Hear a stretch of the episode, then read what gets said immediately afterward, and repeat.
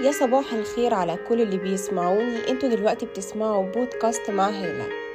وحلقتنا النهاردة بعنوان كيف تغادر منطقة الراحة. تابعوا الحلقة للآخر.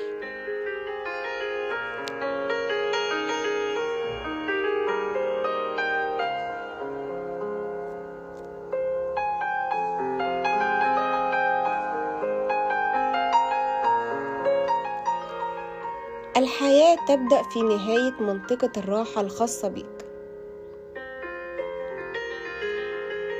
الكسل والخوف أكبر أسباب لعدم الخروج من منطقة الراحة. ليه؟ لأن العقل ده يعتبر أكتر عضو كسول في جسمك. دايما العقل بيحب يخليك تخاف من أي مخاطر أو أي شيء جديد تجربه.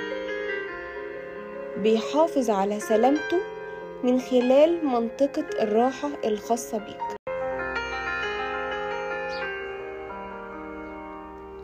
خمس طرق أو خمس أساليب هتساعدك إن أنت إزاي تتخطى منطقة راحتك أو تغادر منطقة الراحة الخاصة بيك.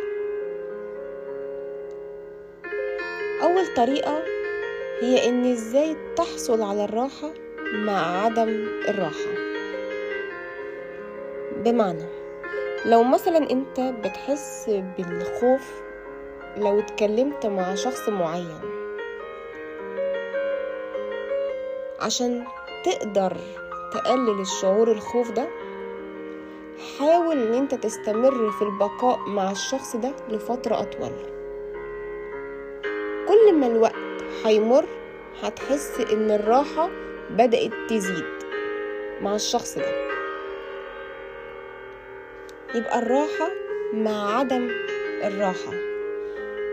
رقم اتنين كن صادقا مع نفسك وخليك صريح مع نفسك جداً. ما تتكسفش من نفسك. ما تجلدش نفسك. ما تتأخرش في تقديم الأعذار لنفسك. وبلاش أسلوب جلد الذات. عشان ده هتعذب فيه نفسك أكتر من اللازم. امنح لنفسك دايما الفرص وأحقية الغلط عشان تعرف الصح. كن رحيم على نفسك. رقم ثلاثة ركز على المرح والبهجة. لما تحاول تخرج من منطقة الراحة الخاصة بيك حاول إنك تسعى في البحث عن كل ما يسعدك ويديك البهجة والمرح والمتعة. رقم أربعة ابدأ بخطوات صغيرة للخروج من منطقة الراحة. بلاش القفز السريع بلاش إنك تنط. بلاش المخاطر الكبيرة. لا امشي واحدة واحدة.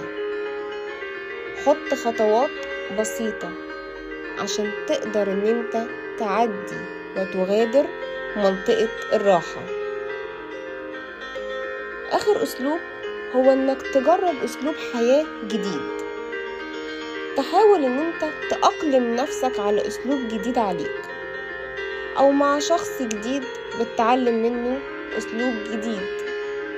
أو مع مجموعة ناس بتحاول إن أنت تخرج معاهم من منطقة الراحة الخاصة بيك. منطقة الراحة هي الكسل والروتين.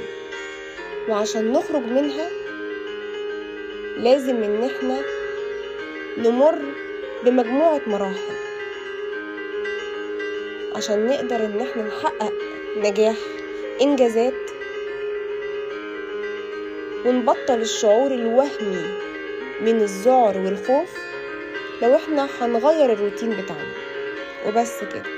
دي كانت حلقة النهاردة. تحياتي. أنا هالة أبو السعود وإلى اللقاء.